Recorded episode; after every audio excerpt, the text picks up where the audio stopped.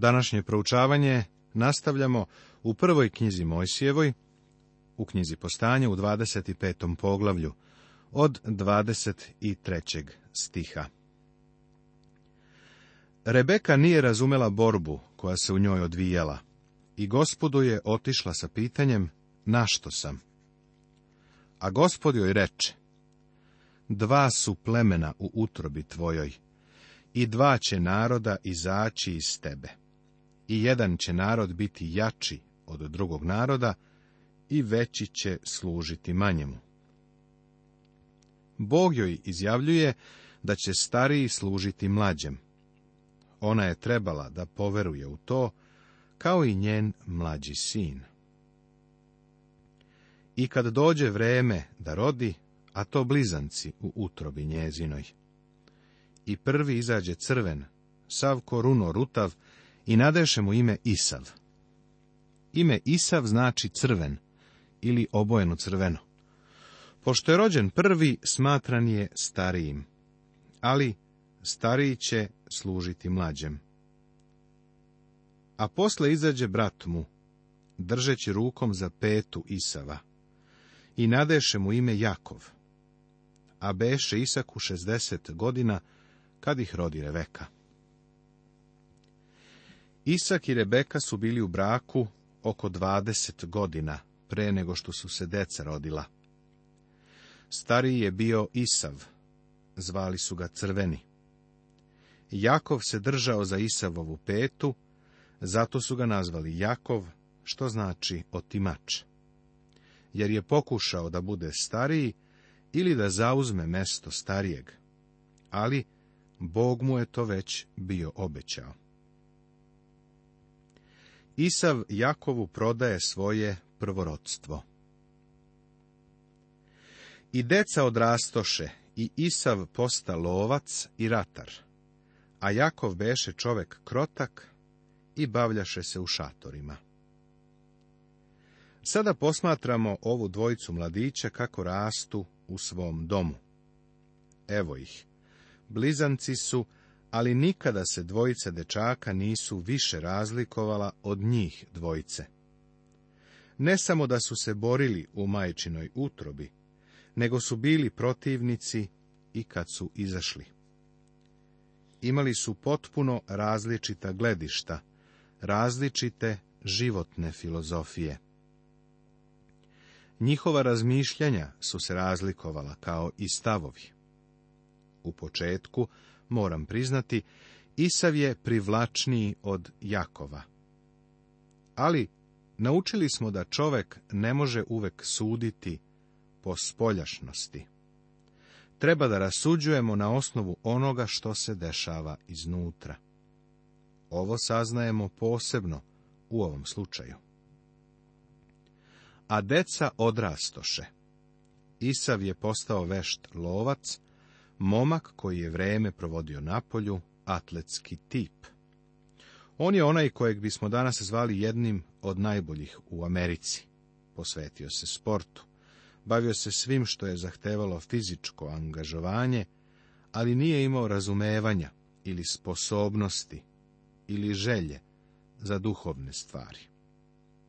Bio je zainteresovan samo za fizičke stvari. On predstavlja telo. Jakov je bio jednostavan čovjek. Mislim da od takvog možeš napraviti šta god želiš. Živeo je u kući. Bio je mamin dečko i držao se njene suknje. Zapazit ćeš da je on radio sve što mu je ona rekla. Jakov je stvarno mamin sin, a Isav je očev sin. I Isak milovaše Isava, jer rado jeđaše lova njegova, a Rebeka milovaše Jakova. Evo problema u kući. Osjećaš kako će pod ovim okolnostima oni imati nevolja. I jesu ih imali. Kada je jedan roditelj pristrasan prema jednom detetu, a drugi prema drugom, imaš nevolju. Upravo to se dogodilo ovde. Isak je voleo Isava, jer je jeo njegov ulov. Isav je odlazio u lov i uvek bi nešto ulovio. Kući je donosio divljač koju bi ulovio. Isaku se to sviđalo, a sviđao mu se i takav tip mladića. Rebeka je volela Jakova, jer je on bio mamin sin. Kao što sam već rekao, u ovom trenutku Isav je mnogo atraktivniji od Jakova.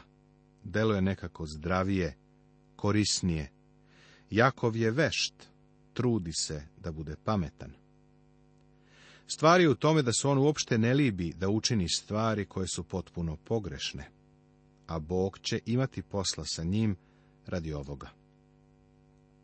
Zanimljivo je da, iako je Isav spolja vrlo privlačan, duboko u sebi on nije imao sposobnost ili interesovanje za Boga. Ako je ikada postojao čovjek sveta ili svetovni čovjek, on je taj. On je samo fizički čovjek i to je sve. To je sve zašto je on živeo. Ali duboko u Jakovu postojala je želja za duhovnim stvarima. Bogu je bilo potrebno dugo vreme da poskida sve ostatke i krhotine koje su bile na površini i da ukloni sva pokrivala da bi dospeo dole, unutra, gde je bila duhovna želja. Konačno je on to i učinio. Pre nego što nastavimo sa proučavanjem Jakova, a priča se o njemu provlači skoro kroz celu prvu knjigu Mojsijevu, vidjet ćemo da je sve vreme on bio Boži čovek. Iako to nije pokazivao, sve do poznog doba svoga života. Sada nam se govori o jednom događaju koji se odigrao u kući. Dobro razumeš da pristrasnost koju su pokazivali i majka i otac izaziva poteškoće i sukob. Ovo ne bismo mogli nazvati srećnim domom. Jednom Jakov skuva jelo, a Isav dođe iz polja umoran. I reče Isav Jakovu, daj mi da jedem tog jela crvenoga, jer sam umoran. Otuda se prozva Edom. A Jakov mu reče, prodaj mi danas prvenaštvo tvoje. A Isav odgovori, evo, hoću da umrem, pa šta će mi prvenaštvo? Ovaj događaj otkriva prirodu oba ova čoveka. Isav je došao iz polja. Bio je na polju i umoran je. On ne umire od gladi, kako bi neko mogao da zaključi. Niko ko je odrastao u Avramovom domu nije mogao umreti od gladi. Uvek je bilo nečeg za jelo.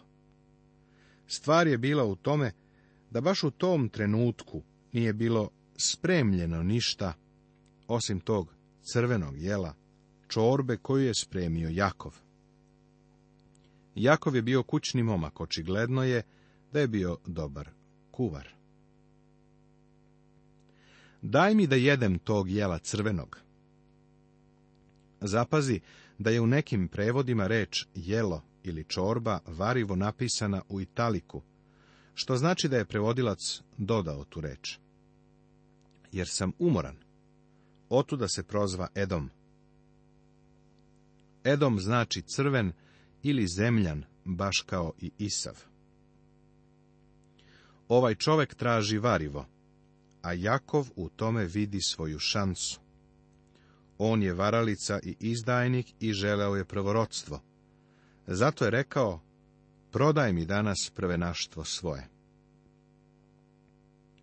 Da se zaustavimo sada za trenutak kod vrednosti prvorodstva i kod njegovog značenja. Prvorodstvo znači da onaj koji ga je imao bio glava kuće. Također znači da onaj koga je imao bio je sveštenik u porodici. U ovoj porodici značilo je da onaj koga je posjedovao bio je u lozi koja će dovesti do Hrista. Misliš li da je Isav to sve uopšte cenio? Jakov je znao da Isav to nije cenio. Tome nije pridavao nikakvu važnost i nije želeo da bude sveštenik porodice. U stvari, to je bilo posljednje što je želeo. U naše vreme, ponekad kad od hrišćanina traže da učini nešto za Hrista, on odgovara, o, ja nisam propovednik, ne mogu to da uradim. Danas je previše ljudi koji ne žele da čine duhovne stvari. Oni čak ne žele ni da odaju utisak da su zainteresovani za duhovne stvari. Takav je bio Isav. On nije želeo da odaje takav utisak da ga je bilo ko nazvao đakonom ili propovednikom, to bi ga uvredilo. On nije želeo prvorodstvo. Nije mario za to što je u lozi koja vodi do Hrista. Niko manje od njega nije mario za to. Jakov ovo vidi i kaže mu. Reći ću ti šta će mu uraditi. Ako mi daš svoje prvorodstvo, ja ću tebi dati činiju variva. Isav je bio vrlo zadovoljan pogodbom. Rekao je, vrlo rado ću to učiniti. Kakvu korist imam od prvorodstva? Šta me briga za prvorodstvo? Radije ću uzeti činiju variva. Eto, takvu vrednost je pripisivao duhovnim stvarima. Setimo se da je Jakov također pogrešio u ovome što je učinio. Bog je već obećao, stariji će služiti mlađemu. Prvorodstvo će u Jakovljev život doći u Božje vreme, ali Jakov ne može da čeka. Zato seže da uzme ono što mu je Bog obećao. Uzima to na vešt i lukav način. Ali trebalo je da čeka na Boga, da mu Bog to da. Ovaj čovjek je funkcionisao po principu da za sebe čini sve što može. Mislio je da sve dok sebi može pomoći, nema razloga da čeka na Boga, da Bog to obavi. Smatrao se potpuno sposobnim da se pobrine za svoj posao. U početku je stvarno dobro uradio, bar po oceni sveta. Ali došao je dan kada je Bog ovog čoveka poslao na školovanje, a Čika Lavan je bio predsjednik te škole. Ta škola je poznata kao škola teških udaraca. Jakov će tu naučiti neke stvari o teškim, grubim udarcima. Ali ovde on još uvek funkcioniše po principu da je dovoljno bistar da dobije ono što može da dobije. A Jakov reče, zakuni mi se danas. I on mu se zakle. Tako prodade svoje prvenaštvo Jakovu. I Jakov dade Isavu hleba iz kuvanoga leća i on se najede i napi, pa usta i otide. Tako Isav nije mario za prvenaštvo svoje. Isav nije mario za prvenaštvo svoje ili prezreo je, kako kažu drugi prevodi. Važno je da u ovom momentu ovo zapazimo. Tako je Isav seo i pojao varivo. Svoje prvenaštvo je predao, jer mu ono nije ništa značilo.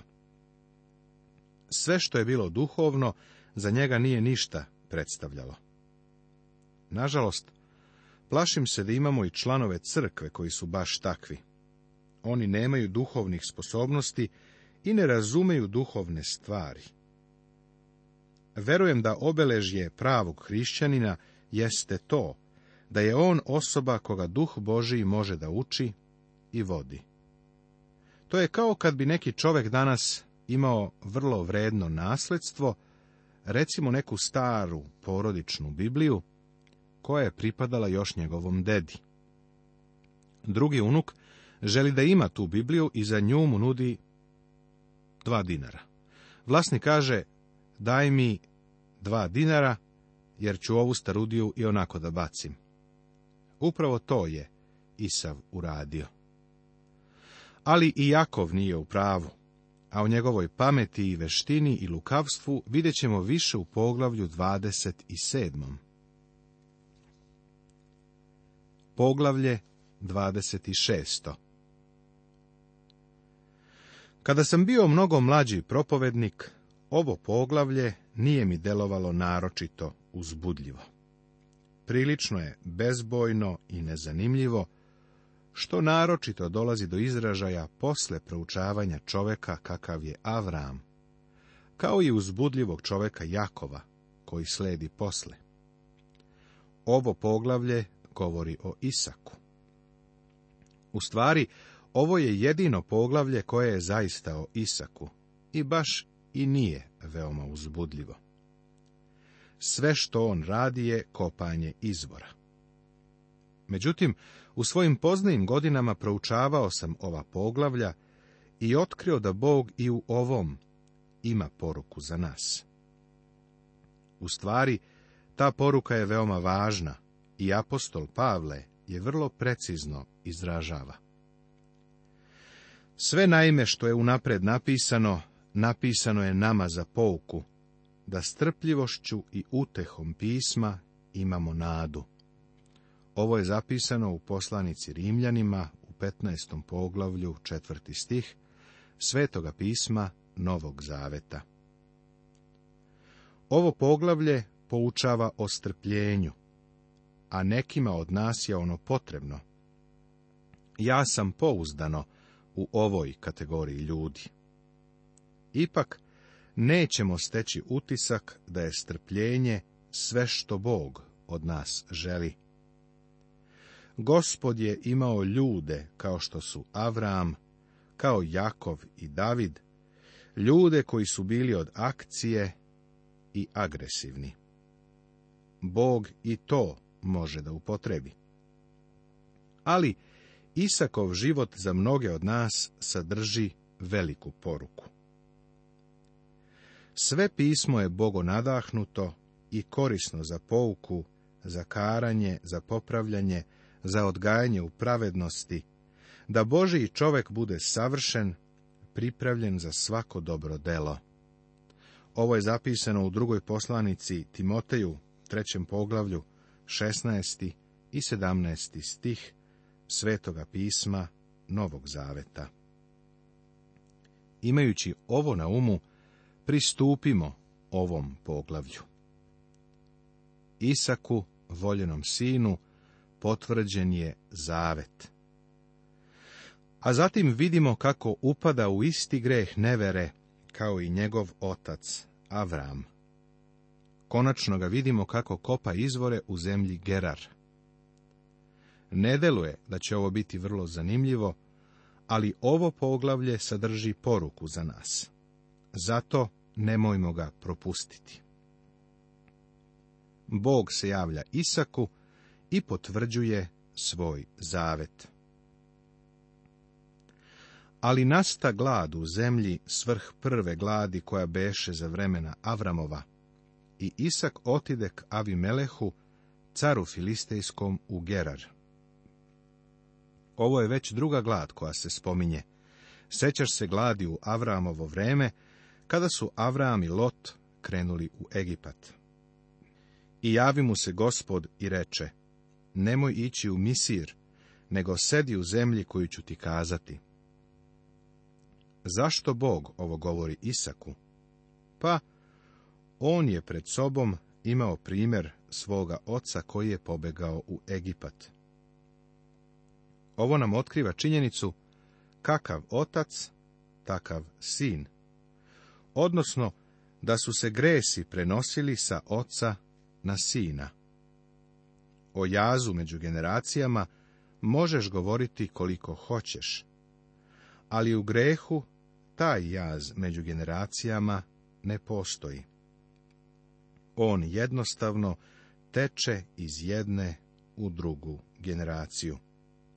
Uopšteno govoreći, sin uglavnom pravi iste greške koje je pravio njegov otac, ukoliko se nešto ne umeša. Tako Bog u vreme gladi Isaku daje određene jasne savete i potvrđuje zavet koji je sklopio sa Avramom. Sedi u toj zemlji i ja ću biti s tobom i blagoslovit ću te jer ću tebi i tvom semenu dati sve ove zemlje i potvrdit ću zakletvu kojom sam se zakleo Avramu, ocu tvojemu. I umnožit ću seme tvoje da ga bude kao zvezda na nebu. I daću semenu tvojemu sve ove zemlje, i u semenu tvojem blagoslovit će se svi narodi na zemlji. Nastavit će se.